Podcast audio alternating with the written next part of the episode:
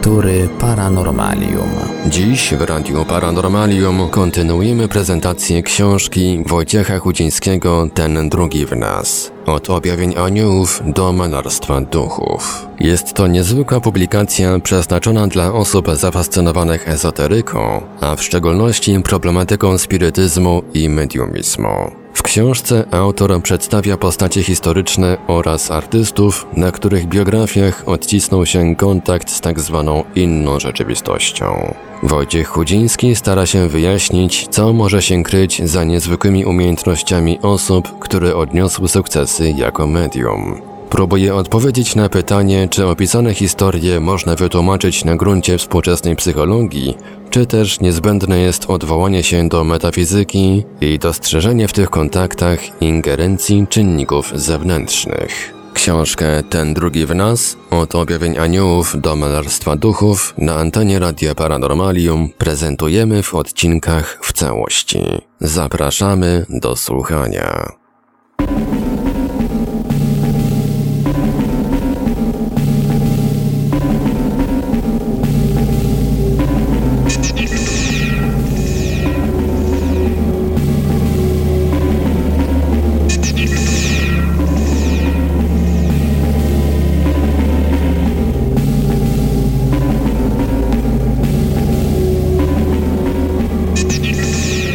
Odwiedziny w wieku mesjańskim. Philip K. Dick. W lutym i marcu 1974 roku Philip K. Dick, amerykański pisarz i mistyk, przeżył serię dziwnych paranormalnych doznań. Aż do śmierci, która nastąpiła 8 lat później, nie miał pewności co do ich źródła. Owocem tych niezwyczajnych doświadczeń jest exegesis, czyli egzegeza, liczący 8000 stron dialog autora z samym sobą. Twórca nigdy nie znalazł zadowalającego rozwiązania tej zagadki. Osią jego twórczości było przekonanie, że świat jest swego rodzaju iluzją, poza którą trwa życie prawdziwe. Czy stał się więc medium odbierającym przekazy spoza naszej rzeczywistości? Dick i jego siostra bliźniaczka Jane, która zmarła jako kilkutygodniowe niemowlę, urodzili się w Chicago w 1928 roku. W dzieciństwie Phil był astmatykiem i miał nadwagę. Torturując żuka w trzeciej klasie szkoły podstawowej, dostrzegł u siebie coś, co nazwał potężną empatią. W tym czasie zainteresował się fantastyką i muzyką operową. W wieku lat dziewięciu postanowił zostać pisarzem.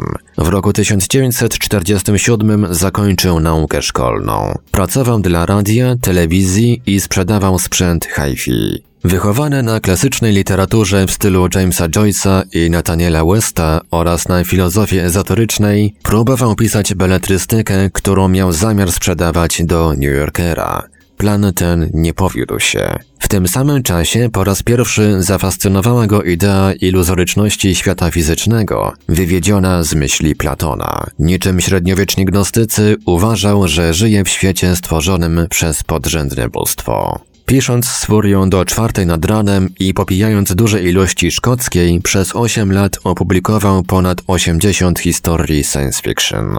Trudno byłoby nazwać go pisarzem słabym, choć i takie opinie wtedy się pojawiały. Obecnie krytycy są zgodni, że na przykład czołowy twórca postmodernistyczny Thomas Pynchon może uchodzić za ucznia Dicka. Biograf Lawrence Satin przyrównuje twórczość Phila do dzieł Kafki, Borgsa, Becketa i Calvino. A to autentyczne wyróżnienie dla kogoś, kto pisał o statkach kosmicznych, istotach z innych planet i telepatii. Jego proza bywa czasem patetyczna, ale jak wcześniej Sartre, Dick był po prostu pisarzem, filozofem kreującym abstrakcyjne koncepcje i testującym je na swych bohaterach. W 1981 roku napisał, cytat, Nie jestem powieściopisarzem, tylko beletryzującym filozofem. Swoje zdolności pisarskie wykorzystuję jako narzędzie do wypowiadania mojego postrzegania świata. Istotą mojego pisania jest nie sztuka, ale prawda. Koniec cytatu. Wielu czytelników twierdziło, że sztafaż science fiction w dużej mierze ograniczał Dicka. Jako niewiele wart odrzucał go na przykład Stanisław Lem, propagator twórczości Amerykanina w Polsce. Nie wydaje się, by było to słuszne. Pisarz świadomie wybrał science fiction, gdyż doszedł do wniosku, że jest to gatunek wprost idealny dla wyrażania tego, co go interesuje. Celem każdej jego kolejnej książki okazywało się nagłe odcięcie czytelnika od świata, który zamieszkuje i zna. Dodajmy, że miłośnicy science fiction stanowią w większości grupę osób wyalienowanych i podatnych na tego typu doświadczenia. Zapłodniony ideami Huma, Junga i buddyzmu tybetańskiego, Dick coraz częściej zadawał sobie pytanie, co jest prawdziwe. W roku 1963 doznał swej pierwszej mistycznej wizji. Przez kilka dni z rzędu widział na niebie zatrważająco złe metalowe oblicze, prawdziwe oblicze gnostyckiego Boga, co znalazło swój literacki wyraz w jego powieści Trzy stygmaty Palmera Eldridge'a. Wspominał to przeżycie tak, cytat. Ta twarz była olbrzymia, zapełniała ćwierć nieba, miała puste szczeliny oczu, była metalowa, okrutna i, co najgorsze, był to Bóg. Koniec cytatu. Bezpośrednim następstwem doznawania podobnych wizji było zaangażowanie się Dicka w chrześcijaństwo. W tym czasie zaprzyjaźnił się z Jamesem Pike'iem, oskarżonym o herezję biskupem kalifornijskiego kościoła episkopalnego. Wspólnie pracowali nad teorią mającą wyjaśnić pochodzenie religii. Pike próbował nawiązać kontakt ze swym nieżyjącym synem Jimem, który niedawno popełnił samobójstwo. W tym celu chodził razem z Philem na seanse spirytystyczne znanego medium Annie Twig. W czasie II wojny światowej ekscelencja pracował w wywiadzie marynarki wojennej Stanów Zjednoczonych. Nie należał więc do osób naiwnych. Mimo to został przekonany, że przez usta pani Twig przemawia jego zmarłe dziecko. Podczas innego seansu z medium George'em Daisleyem duchy nieoczekiwanie zwróciły się wprost do Dicka. Choć nigdy nie zaliczał się do entuzjastów zjawisk spirytystycznych, bardzo to przeżył. Przez całą dekadę lat 60. pisarz był zafascynowany chińską księgą przemian I Ching. W powieści Człowiek z Wysokiego Zamku, opowiadającej o alternatywnej wersji historii, II wojnę światową wygrali Niemcy i Japończycy, uczynił ten filozoficzno-wróżebny traktat rodzajem przewodnika, instrukcją obsługi życia dla zagubionych bohaterów. Tamtym czasie Dick stawał się coraz bardziej podejrzliwy i sądził, że jest obserwowany przez CIA albo KGB. Zaczął też aplikować sobie farmaceutyki, które kradł z gabinetów zaprzyjaźnionych lekarzy. Mając 42 lata, stał się człowiekiem uzależnionym od amfetaminy i LSD. W roku 1971 trafił do szpitala psychiatrycznego. Rok później, próbując desperacko zerwać z dotychczasowym trybem życia, przyjął zaproszenie na konwent science fiction w Vancouver w Kanadzie. Pojechał tam z płaszczem w jednej ręce i Biblią w drugiej. Krótko po tej podróży przedawkował środki uspokajające. Na szczęście bez poważnych konsekwencji. Po powrocie do Kalifornii znów zaczął intensywnie pisać. W 1974 roku Dick doświadczył czegoś, co zmieniło jego widzenie świata. W dzienniku zanotował, cytat, to coś opanowało mnie całkowicie, uwalniając z matrycy czasoprzestrzeni i jednocześnie ucząc mnie. Wiedziałem, że świat wokół jest atrapą z tektury. Koniec cytatu.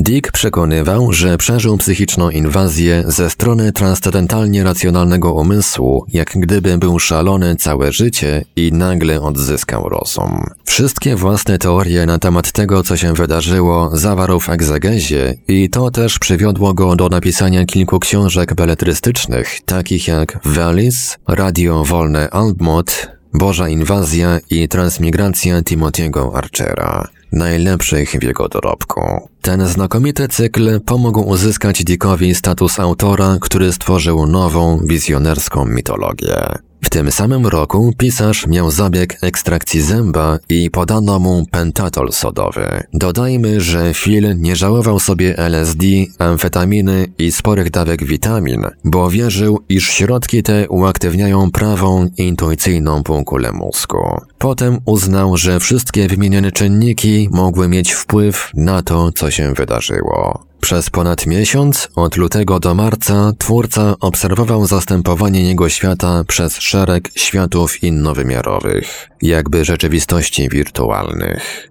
Czym się to objawiało? Otóż sądził, że żyje w roku 70 naszej ery jako chrześcijanin w świętym mieście. Otaczał go świat z czasów Imperium Rzymskiego. W wyniku tych wizji doszedł do wniosku, że doświadczył czegoś na kształt anamnezji, przywrócenia pamięci. Przypomniał sobie, kim naprawdę był. Niekiedy odnosił również wrażenie, że jego przyjaciel, ekscelencja Pike, który w międzyczasie zaginął na pustyni judzkiej, odrodził się w nim. Jeśli uznamy, że skutkiem oświecenia jest oddzielenie iluzji od rzeczywistości, Dick w swoim mniemaniu dostąpił właśnie czegoś takiego. Prawda znana jego duszy, lecz zapomniana po wcieleniu w materię, objawiła się w całej okazałości, obnażając fałsz otaczającego świata. W egzegezie pisał, cytat, Nagle ujrzałem wirujące światła, które oddalały się z wielką szybkością.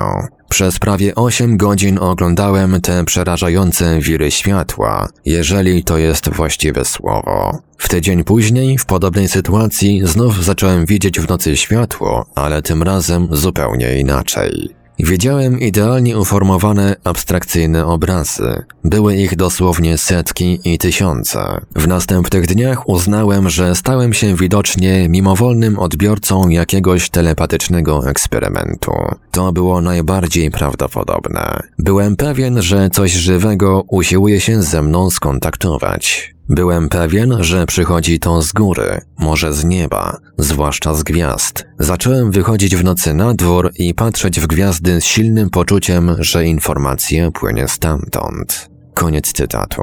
Pisarz wykoncypował, że Imperium Rzymskie nie rozpadło się, a większość faktów z ostatnich dwóch tysięcy lat historii nigdy się nie wydarzyła. Według niego po prostu ludzkość jest permanentnie poddawana praniu mózgu. Żyjemy w całkowicie zakłamanym świecie, nie mając pojęcia, że w rzeczywistości trwa wiek mesjański. Mimo, że wizja Rzymu u Dicka pojawiła się i zniknęła, wracała do niego pod postacią snu przez kolejnych sześć lat. Podobnie jak kobiecy głos, delikatny i miękki, jaki słyszał w chwilach napięcia i zadumy. Wydawało mu się, że mówi do niego zmarła siostra bliźniaczka Jane, którą z kolei utożsamiał z Sofią, gnostycką boginią mądrości.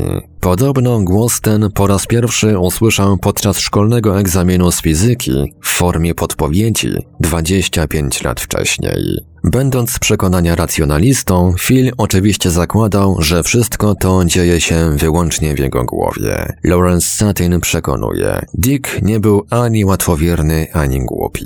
Sprawie tego, co się z nim zdarzyło, nie preferował żadnej określonej teorii. Miał jednak moralną odwagę, żeby traktować to wszystko poważnie, jako możliwe źródło wiedzy, a nie odrzucać z góry. Koniec cytatu. W końcu pisarz uznał, że za jego paranormalne przeżycia ponosi odpowiedzialność trudna do zidentyfikowania inteligencja, potrafiąca się znakomicie maskować. Nazwał ją VALIS, co można odcyfrować jako Vast Active Living Intelligence System, rozległy, czynny, żywy system informatyczny. Po owych channelingowych doświadczeniach w życiu Dicka zaczęły pojawiać się kryptowiadomości, często za pośrednictwem odbiornika radiowego. Co ciekawe, potwierdzała to również jego ówczesna żona. Kiedyś, słuchając piosenki Beatlesów Strawberry Fields Forever, Phil usłyszał prorocze ostrzeżenie. Twój syn ma niewykrytą przepuklinę, która zsunęła się właśnie do jego worka mosznowego. Wymaga natychmiastowej pomocy, bo inaczej wkrótce umrze. Przestraszony pospieszył z dzieckiem do szpitala. Okazało się, że głos mówił prawdę. Syna zoperowano jeszcze tego samego dnia. Pisarz musiał uwierzyć, że doświadczone przez niego wizje nie dzieją się wyłącznie w jego wyobraźni, że w jakimś sensie są realne. Przyjaciel Dicka, Thomas Dish, tak opowiada o dialogach, jakie prowadzili w tamtym czasie. Rozmawialiśmy o tym, czy sny mają źródło zewnętrzne. Phil pytał, skąd w przeciwnym razie mógłby usłyszeć starożytną Grekę. Ja mówiłem, że ta część mózgu, której używamy we śnie, nie jest w stanie stwierdzić, że słyszymy akurat Grekę. Nie był zachwycony moim argumentem. Chciał mnie zmusić, żebym powiedział tak, to jest doświadczenie religijne. Koniec cytatu. A nowe doznania pojawiały się każdego dnia. W egzegezie Dick notował. Liczyłem na zwiększoną sprawność neuronalną, a dostałem więcej. Informacje o przyszłości, bo w ciągu następnych trzech miesięcy, licząc od marca, prawie co noc otrzymywałem we śnie informacje w formie wydruków, słów i zdań, listów, nazwisk i liczb. Czasami całe stronnice. Koniec cytatu.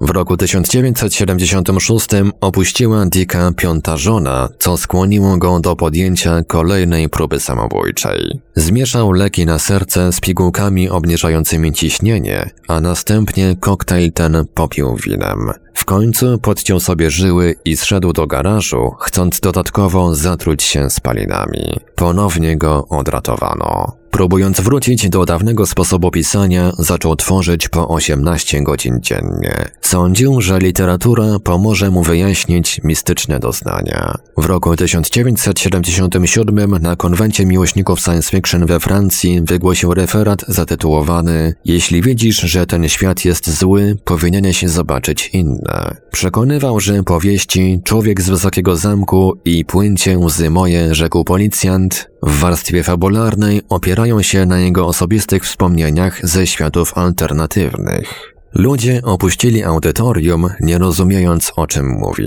Pisarz spodziewał się, że nie będzie żył długo. Swej ostatniej książki nie zdążył ukończyć. Zmarł na zawał 2 marca 1982 roku. Pochowano go w Fort Morgan w stanie Colorado, w tym samym grobie, w którym 53 lata wcześniej spoczęła jego siostra bliźniaczka Jane. Według jednych postać kultowa, według innych człowiek, który łamał wszelkie reguły. Dick z pewnością nie był kimś, kogo łatwo rozszyfrować. Jedno nie ulega wątpliwości. Jest niekwestionowanym mistrzem literatury science fiction, a na motywach jego książek powstały tak głośne filmy jak Łowca Androidów czy Raport Mniejszości.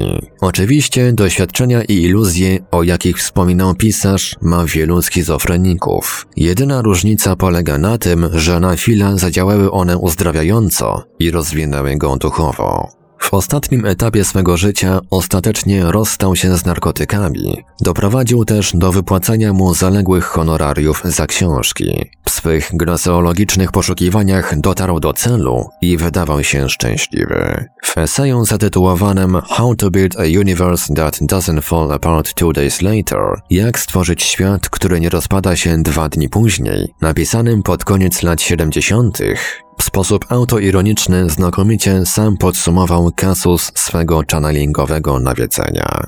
Cytat. Wyobrażam już sobie siebie u psychiatry. Który mamy teraz rok? Pyta psychiatra. Rok pięćdziesiąty naszej ery. Odpowiadam. Psychiatra mruga i pyta po chwili. Wiesz, gdzie teraz jesteś? Moja odpowiedź. W Judei. A gdzież to jest? Pyta znów psychiatra. To część Imperium Rzymskiego. Odpowiadam. Psychiatra na to, a kto jest prezydentem?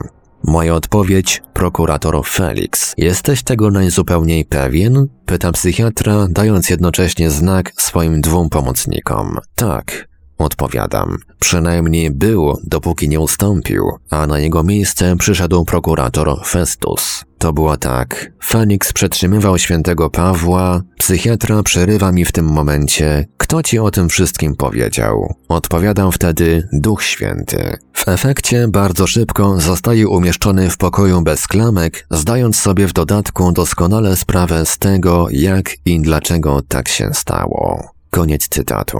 Co więc przytrafiło się Filipowi K. Dickowi, jednemu z najciekawszych autorów science fiction o umysłowości gnostyka, badaczowi natury rzeczywistości? Czy podłączył się do kroniki Akaszy, astralnego banku danych rejestrującego wszystko, cokolwiek dzieje się na Ziemi? A może udało mu się zajrzeć w inne wymiary lub nawiązać kontakt z niematerialnymi istotami ze świata duchów? Tego możemy się tylko domyślać. Możemy też poszukać odpowiedzi w książkach Dicka, z których większość ukazała się w Polsce.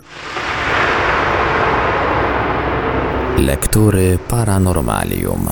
Media z Marsa. Helena Smith, Mirail, Mount Cleveland.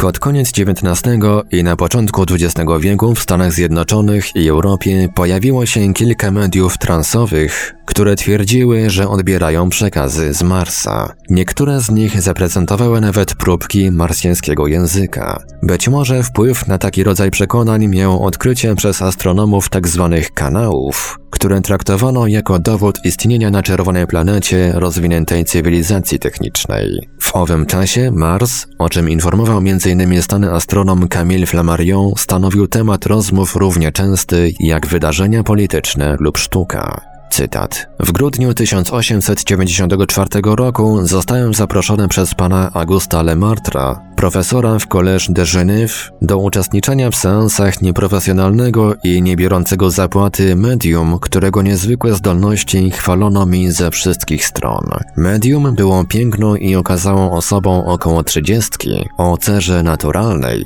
włosach i oczach prawie czarnych, a jej inteligentna, otwarta twarz i głębokie, ale bynajmniej nieegzaltowane spojrzenie z miejsca budziły sympatię. Nie dostrzegłem nic z wydelicaconej lub tragicznej aparycji, jaką często przypisuje się antycznym Sybillom. Koniec cytatu.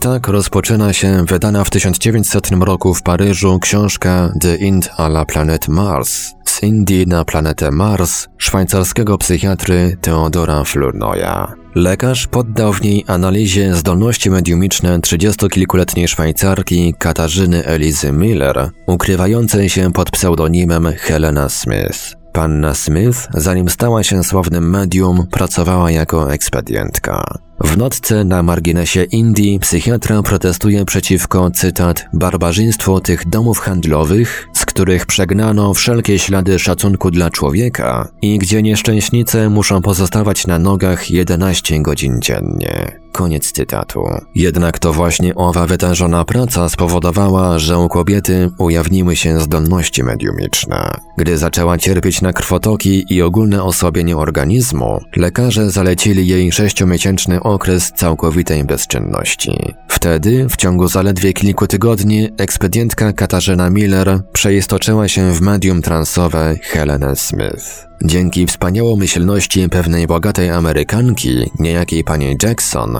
kobieta ostatecznie pozbyła się trosk finansowych. Szybko też zyskała sławę w środowisku spirytystycznym. W ten sposób ściągnęła na siebie uwagę Teodora Filornoja, który po ukończeniu studiów medycznych i filozoficznych pragnął stworzyć na Uniwersytecie w Genewie laboratorium psychologiczne. Od roku 1892 fascynowały go głównie badania nieświadomości.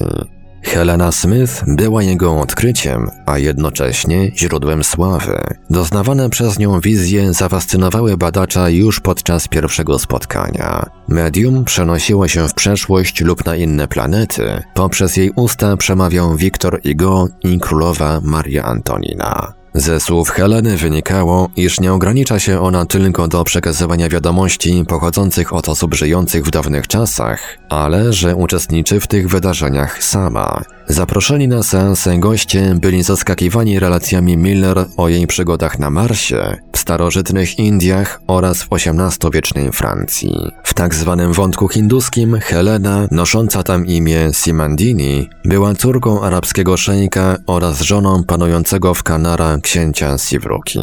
Przez kilka następnych tygodni prezentowała się jako Cagliostro, a potem jego medium i małżonka Lorenza Feliciani. W cyklu królewskim zamieniała się w Marię Antoninę, królową Francji, natomiast w cyklu marsjańskim, najbardziej egzotycznym i interesującym ze wszystkich, opisywała społeczność czerwonej planety, a zwłaszcza używany tam język. Później pojawił się jeszcze cykl ultramarsjański, uranowski od planety Uran i kilka tak zwanych historii księżycowych. Helena była dzieckiem rozmarzonym i samotnym. Jej dzieciństwo naznaczyły wizje, niewytłumaczalne lęki i halucynacje. Można powiedzieć, że nieustannie śniła na jawie. Flournoy uważał, że automatyczna twórczość medium opiera się właśnie na tych dziecięcych marzeniach i gdyby nie inicjacja spirytystyczna, w wieku dojrzałym zdolności te ostatecznie by zanikły. Przed pojawieniem się Flournoya spirytyści nie dostrzegali w Helenie somnambuliczki.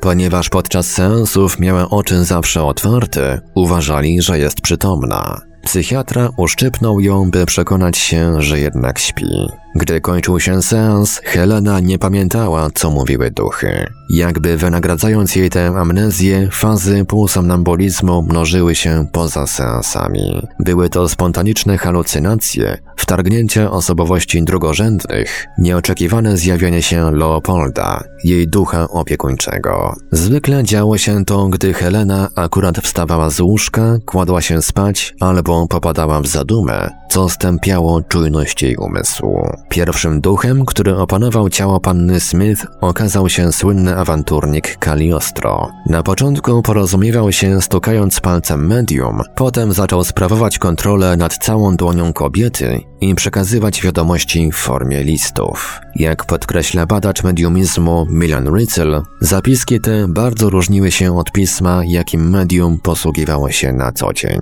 Gdy w Helenę wcielał się Cagliostro, cechowały ją gesty stateczne i zachowanie pełne godności. Nierzadko medium i słynny Hochstapler kłócili się żywiołowo podczas seansu, co sprawiało dość osobliwe wrażenie. Wcielenia Marii Antoniny także nie sposób było pomylić z nikim innym. Medium odgrywało tę rolę z elegancją i majestatem, co wskazywało na posiadanie sporej wiedzy na temat realiów charakteryzujących życie na francuskim dworze królewskim. Dodajmy, że w normalnym stanie świadomości temat ten był Helenie całkowicie obcy. Gdy przed zebranymi pojawiał się duch córki szejka arabskiego, panna Smith jak z rękawa sypała faktami z historii XV-wiecznych Indii. Pisała po arabsku, a tego języka, rzecz jasna, nigdy się nie uczyła. Flournoy notował, cytat, Siada na ziemi ze skrzyżowanymi nogami albo w postawie półleżącej, opierając głowę lub ramię o swego narzeczonego, księcia Sivrukę. Z wielką powagą wykonuje ukłony, gdy po długim kołysaniu fikcyjną kadzielnicą krzyżuje na piersiach ręce i pochyla się trzykrotnie, uderzając czołem o ziemię, nucąc swe pełne żalu i skarg pieśni. Jakże pełna jest gracji, gdy bawi się z wyimaginowaną małpką, gdy ją pieści, drażni lub łaje ze śmiechem.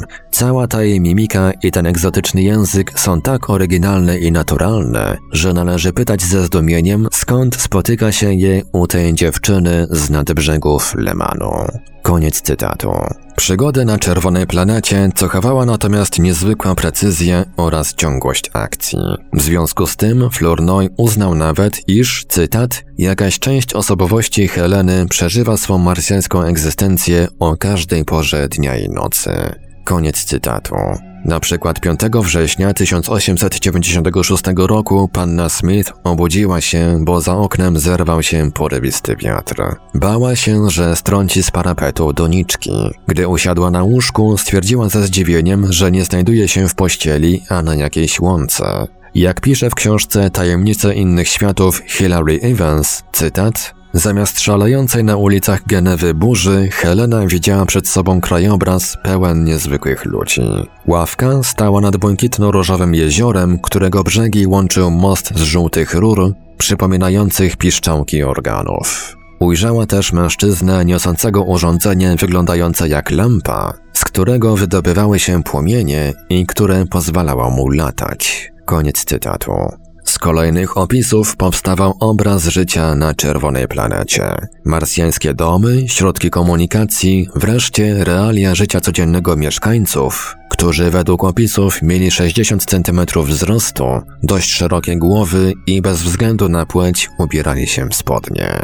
Jednak dla Heleny, uzupełnia Evans, wszystkie te szczegóły miały mniejsze znaczenie niż wydarzenia, w jakich uczestniczyła. Na przykład marsjańską florę poznajemy ze szczegółowego opisu bukietów, jakimi udekorowano stoły podczas uroczystego bankietu, na który została zaproszona. Wizje Heleny były tak konkretne, że potrafiła utrwalać je na rysunkach. Jednak najciekawszy aspekt doświadczeń panny Smith o wyjątkowym znaczeniu dla poznania ludzkiego umysłu polegał na tym, że nauczyła się ona języka Marsjan. Wszystko zaczęło się od pozornie bezsensownego przekazu. Dode nesi haudan te mesiemetisie astane kiedy mewesie, jaki otrzymała po narysowaniu marsjańskiego domu. Dopiero sześć tygodni później przyjaciele Heleny z Czerwonej Planety przetłumaczyli sens tajemniczych słów, Znaczą one tyle, że dom, który narysowała, należy do Astana, tego samego mężczyzny, którego ujrzała latającego na swoim mini-odrzutowcu. Koniec cytatu. Panna Smith używała języka marsjańskiego konsekwentnie i ze swobodą, która sugerowała, że mowa ta naprawdę istnieje. Milan Ritzel pisze, iż był to zupełnie nowy język z własnym alfabetem i gramatyką, a proces jego powstania można swobodnie porównać do stworzenia Esperanto. Zapoznajmy się z dwoma próbkami marsjańskiego dialektu. Eniceje metise one guide oznacza tu ludzie są dobrzy, natomiast zdanie menmes astane ce ames e liles alize nomi asile ka innamine eziativ można przełożyć Przyjacielu wielki Astane, przychodzę do ciebie zawsze przez ten pierwiastek tajemniczy, niezmierny, który obejmuje moją istotę. Posługiwała się ona tym językiem, dodaje Ritzel, z pełną wytrwałością, zarówno w mowie, jak i w piśmie. Jakkolwiek dzieło to było zadziwiające, Flournoy wykazał, że zawierał on liczne cechy charakterystyczne dla języka francuskiego. Podobieństwo w wyborze głosek oraz szeregu reguł gramatycznych, jak formy zaprzeczenia składające się z dwóch słów itd. Tak Koniec cytatu. Inny badacz, Guillaume Touye, uznał, że z lingwistycznego punktu widzenia język marsjański Heleny stanowi dosłowny przekład z francuskiego z wykorzystaniem wielu neologizmów. Natomiast Jean Bobon zawyrokował, że glosolalie te dają świadectwo regresji do niemowlęcego okresu osobowości, co dowodnie świadczy o psychopatologicznych cechach medium. W jaki sposób Eliza Miller zaczęła władać marsjańskim? Trzeba tu zaznaczyć, że mowa ta była bardzo melodyjna, podobna do sanskrytu, którego kobieta również używała. Jak akcentuje Auguste Lemartre, cytat Perorując, wyraża ona siebie poprzez niewiarygodną obfitość słów, mających bardzo egzotyczny i trudny do naśladowania akcent. Jednak podczas gdy sanskryt pozostaje językiem miłości, w którym imię Sivruka może zostać wyrażone miękko i z pasją, marsjański poddaje się sugestiom i składa z samych cytatów. Koniec cytatu. Z kolei językoznawca Victor Henry zastanawia się, dlaczego sanskryt oraz język marsjan nie znają albo też używają w bardzo małym stopniu litery F. Czy jest tak dlatego, że dla Elizy symbolizowała ona język francuski, w którym nie chciała się wypowiadać? A może całkowity brak F obnaża dominującą obecność Teodora Flournoya? Jest to wszak pierwsza litera jego nazwiska. A zatem język marsjański powstałby specjalnie z myślą o szwajcarskim psychiatrze? Chociaż ojciec Elizy był poliglotą, ona sama zawsze powtarzała, że nie lubi uczyć się mowy obcych narodów. Gdy przeminęła burza sprowokowana opublikowaniem pracy Flournoya z Indii na planetę Mars, Helena przestała wypowiadać się w nieznanych mowach. A zatem twory glosolali trwały tak długo, jak długo trwał czas ich obserwacji.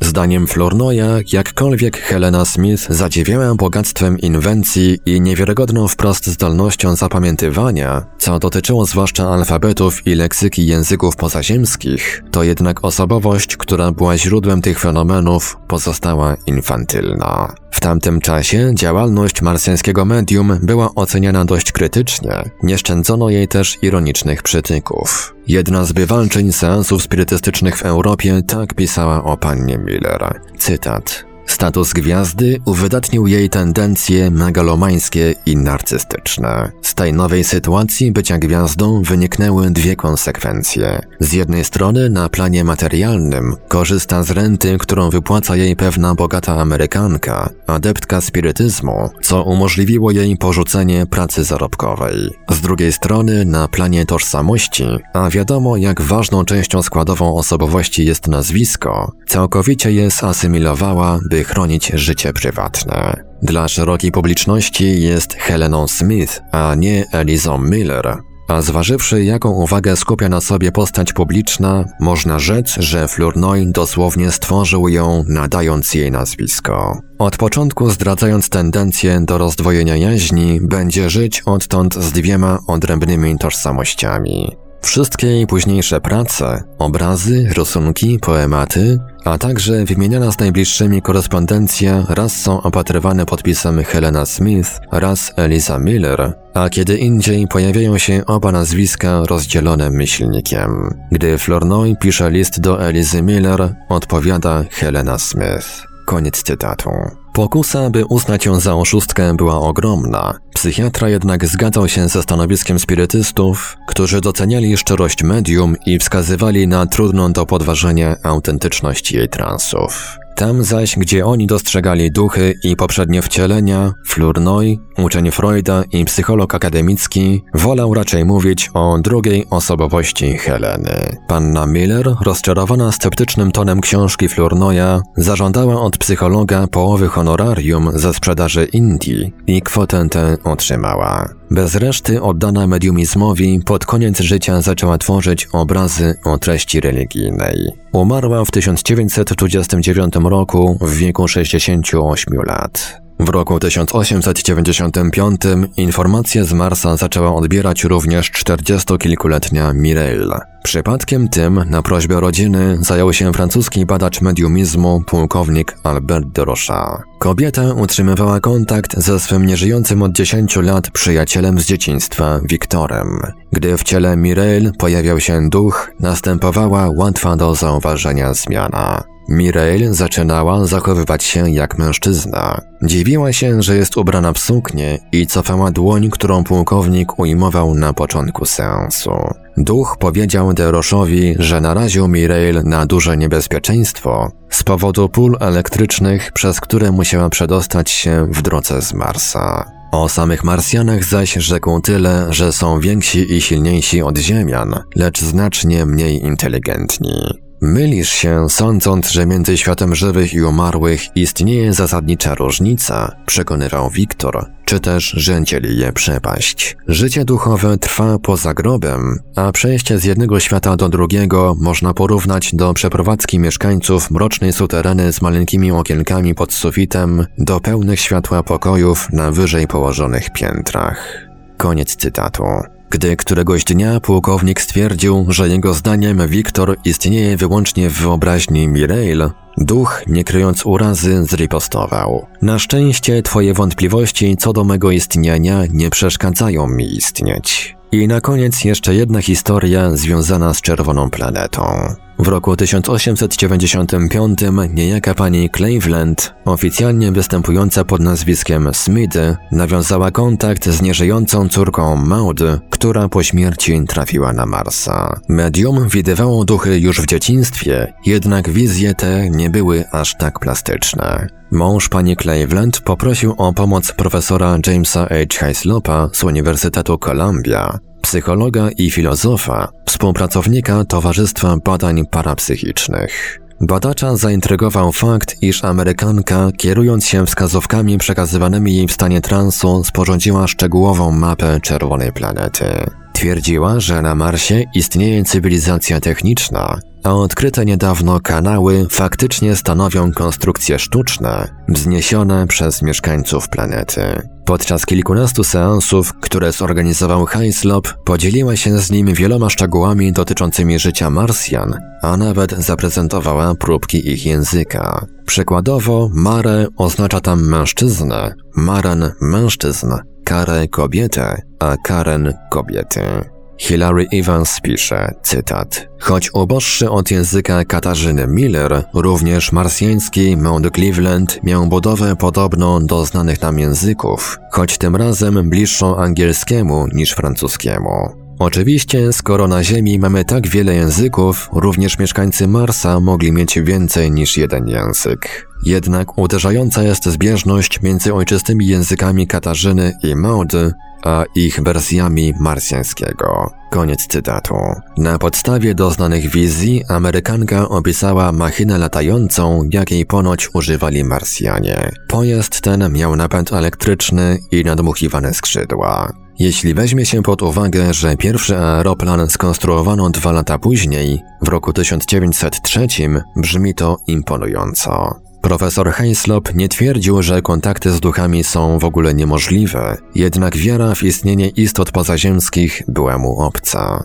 Podobnie jak Theodore Flournoy, bardzo szybko wyciągnął wniosek, że faktycznym źródłem informacji pani Cleveland jest jej druga osobowość. Cytat. Przypadki tego rodzaju świadczą, że nie musimy obwinać normalnej świadomości o próbę oszustwa, podobnie jak nie należy obarczać za nie odpowiedzialnością samoistnych procesów mentalnych. Co jednak nie znaczy, że musimy uznać przypisywaną im wartość, pisał Heislop. Skąd naprawdę pochodziły informacje, które uzyskiwały media? Czy ich źródłem była podświadomość? Na te pytania wciąż nie udzielono odpowiedzi. Nie ulega natomiast wątpliwości, że gdy przeminął okres fascynacji Marsem, ludzie przestali mówić po marsjańsku, a ich wizje zaczęły przedstawiać krajobrazy dużo bardziej przyziemne.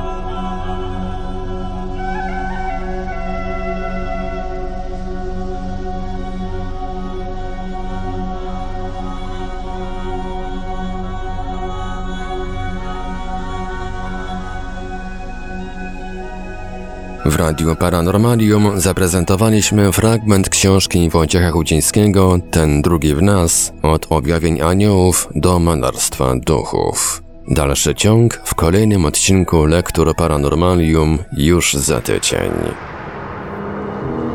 Archiwalne odcinki Lektur Paranormalium znajdziesz do pobrania w archiwum naszego radia na stronie www.paranormalium.pl.